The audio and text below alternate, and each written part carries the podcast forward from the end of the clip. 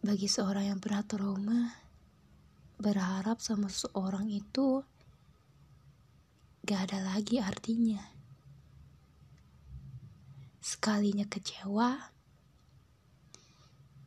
rasanya ngeliat raut wajahnya aja udah kayak nyes banget, nyut, nyut, gitu rasanya. Pengen berhenti nangis, Eh, belum aja beberapa menit udah keluar lagi air matanya. Cengeng. Iya, emang cengeng. Tapi mungkin kalau itu bikin kita ngerasa baik, ya nggak apa-apa.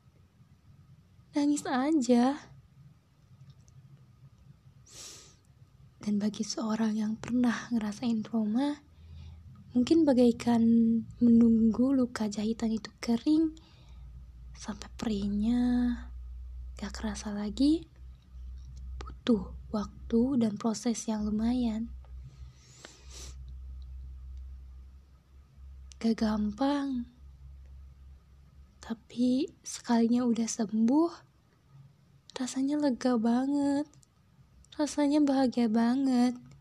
Senang deh bisa lepas dari rasa yang pernah membelenggu di dalam diri kita. Tetap di Blue Diary karena ada cerita di balik rasa yang terpendam. Terima kasih karena telah mendengarkan. Wassalamualaikum warahmatullahi wabarakatuh.